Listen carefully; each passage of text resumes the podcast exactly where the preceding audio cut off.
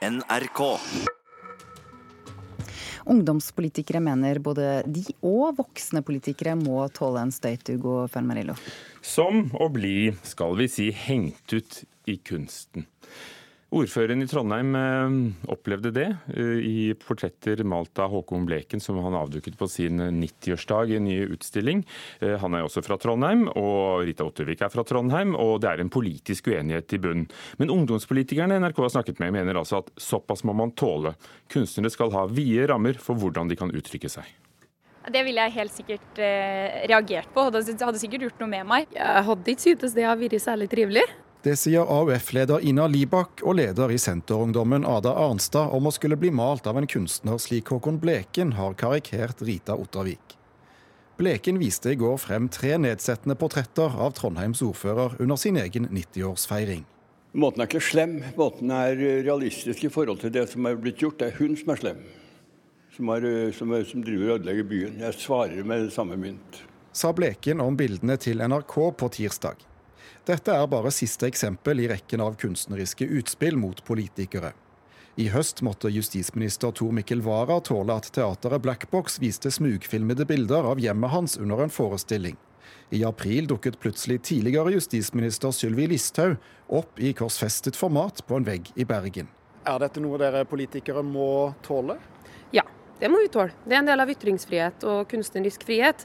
Så jeg vil ikke bestride retten til å gjøre det, men jeg mener fortsatt at det er en dårlig måte å gå frem på om du har lyst til å protestere på politikk. Ada Arnstad i Senterungdommen får støtte fra Andreas Skjalg Unneland, leder i Sosialistisk Ungdom. Maktpersoner i samfunnet må selvfølgelig tåle å bli utfordret. Eh, om det er gjennom argumentasjon, eller om det er gjennom kunst eller andre uttrykk, så er det viktig for å sørge for at eh, de eh, nettopp blir holdt ansvarlig for den politikken de fører og de interessene de kjemper for. Og tross alt. Jeg syns det hadde vært mye bedre å eh, fått et eh, maleri av Håkon Bleken enn å bli møtt med de eh, daglige kommentarfeltene som vi ser. Sier leder i Unge Venstre, Sondre Hansmark Persen. AUF-lederen minner om at det slett ikke er noe nytt at kunstnere kritiserer makten. Sånn har man jo brukt kunsten i alle år, og det tenker jeg i bunn og grunn er riktig.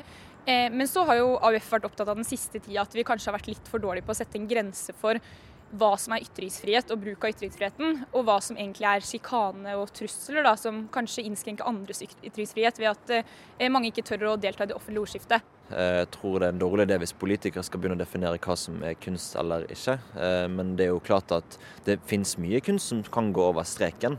Men det betyr ikke nødvendigvis at det ikke er kunst, og at det ikke burde vært lov.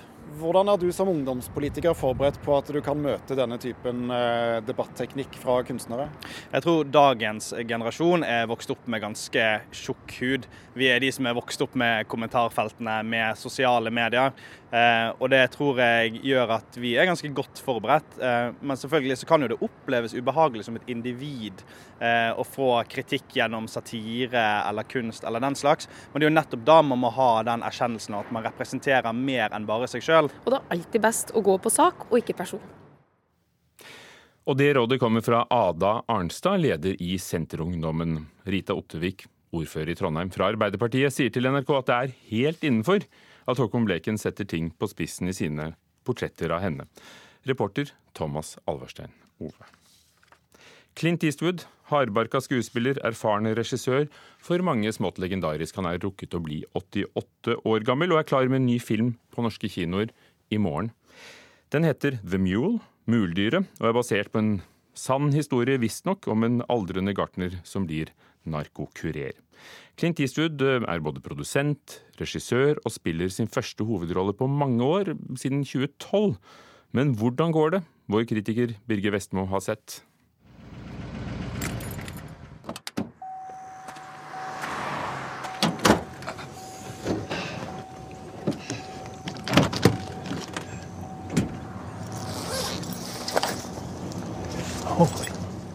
Clint Eastwoods prestasjon foran kamera er det beste ved The Mule, som ellers er en forholdsvis tam liten krimfilm.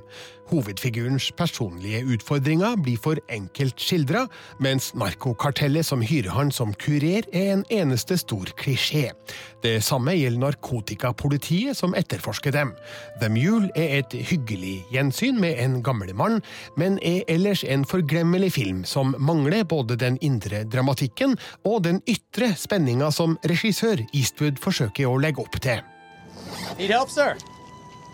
Oh, uh, officer, hi. You need help? Uh, no, no, I'm fine, thank you. What do you got there? Uh, well, pecans. I delivering pecans to my niece. And Pecans? Yeah, pecans. She makes the worst pecan pie you've ever tasted. I feel sorry for her husband, but and I feel sorry for the pecans too. Eastwood spiller Earl Stone, en aldrende gartner som gjennom hele karrieren har brydd seg mer om sine prisvinnende Lilja enn sin egen familie. Når gartneriet må stenge, må Earl finne annen inntekt for å kjøpe virksomheten tilbake fra banken. Tilfeldigvis blir han tilbudt en fraktjobb mot god betaling. Earl stiller ingen spørsmål, og begynner å kjøre flere turer for en gjeng suspekte fyrer. Oppdragene øker i risiko når arbeidsgiverens krav blir større, mens politiet er på sporet, samtidig som Earl forsøker å slutte fred med sin nærmeste familie. Family's the most important thing. Don't do what I did. I put work in front of family. Thought it was more important to be somebody out there than the damn failure I was in my own home. Relasjonene mellom Earl, dattera Iris, spilt av Alison Eastwood, barnebarnet Ginny, spilt av Tysa Farmiga, og ekskona Mary, spilt av Diane Weast, blir skjematisk fremstilt og vekker aldri noen særlig sterke følelser. Narkokartella har vært skildra på film så mange ganger at skurkegalleriet i The Mule virker som en blekk kopi av dem vi har møtt, i blant annet Narkos, Sicario, Scarface og Traffic. DEA-agentene som jakter dem, spilles av annet Bradley Cooper, Michael Penya og Lawrence Fishburne, men de har tynt skrevne roller. Dette er en pen og pyntelig produksjon fra Clint Eastwood, men når aldri de store spenningstoppene eller emosjonelle høydepunktene. The Mule er en ujevn film fra den gamle mesteren. For what it's worth, I'm sorry for everything. Terningkast tre. Birger Vestmo som eh, nøye eh, tenkte ut hvordan han skulle legge den terningen. Den er jo slett ikke trillet. Og så er det sånn at alle ukens filmpremierer kan du lese om på Filmpolitiets eh, nettsider på nrk.no. Og i morgen, fredag klokken ti i NRK P3, er Filmpolitiet på lufta med ukens filmprogram. Bare minner om det. Vidar Sundstøl er kjent for sin Minnesota-trilogi, som kom for en tiårs tid siden. Tre litterære krimbøker som skaffet ham mye anerkjennelse.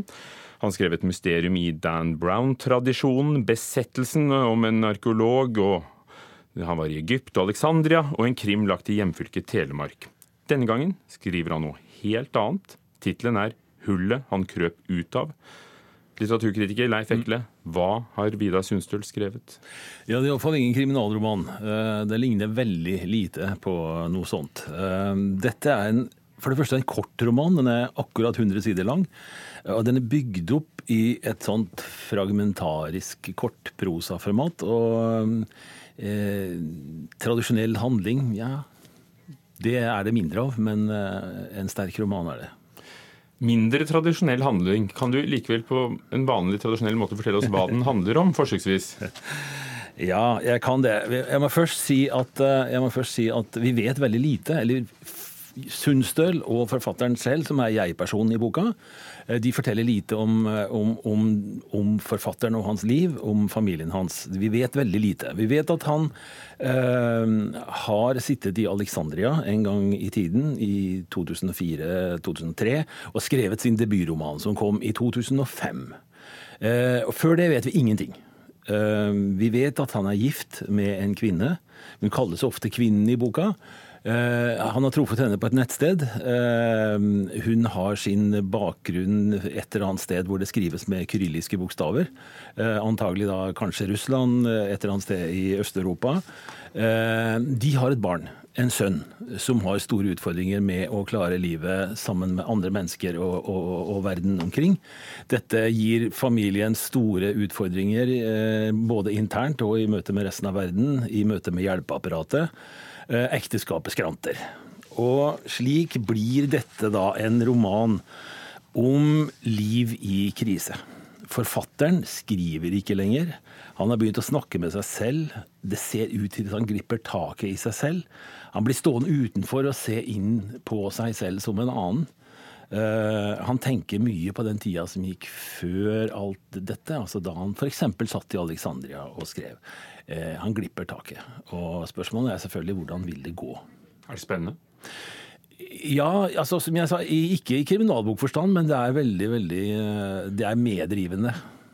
Alexandria, sier du, i Egypt. Hva er det med Sundstøls forhold til Alexandria, som da kommer igjen i i bok ja, etter bok? Ja, ja, flere ganger. Han har jo også gitt ut hans eh, andre roman, ikke debutromanen, men hans andre roman kom i 2006, tror jeg. Eh, og den het I Alexandria, og, og er en fortelling skrevet og, og altså, fortalt der.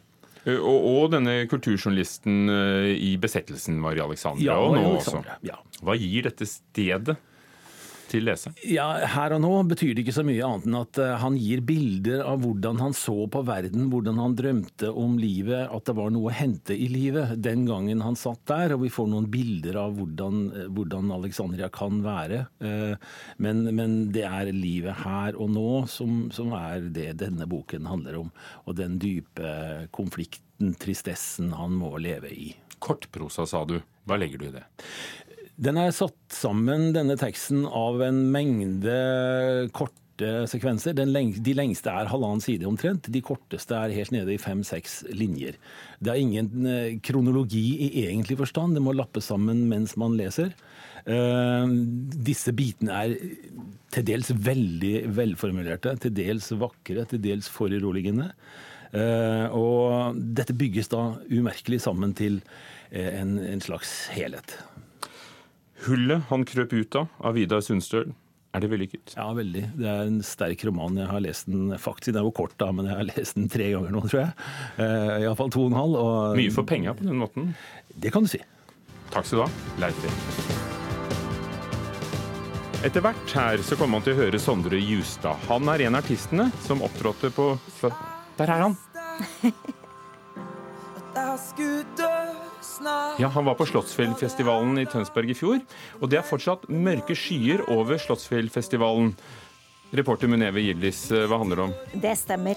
Festivalen har slitt med røde regnskapstall over lang tid, og da festivalen ble arrangert i fjor, var det med godvilje fra artister og leverandører som gikk med på å ta mindre betalt. Det er Dagbladet som eh, skriver i dag at det ser mørkt ut for årets eh, festival. Og selv om andre konkurrerende festivaler har annonsert både artister som skal opptre, og billetter som har blitt lagt ut, så er det ingen artister som har blitt annonsert på Facebook eller hjemmesider hos Slottsfestivalen, og det er heller ingen billetter som er lagt ut for salg ennå.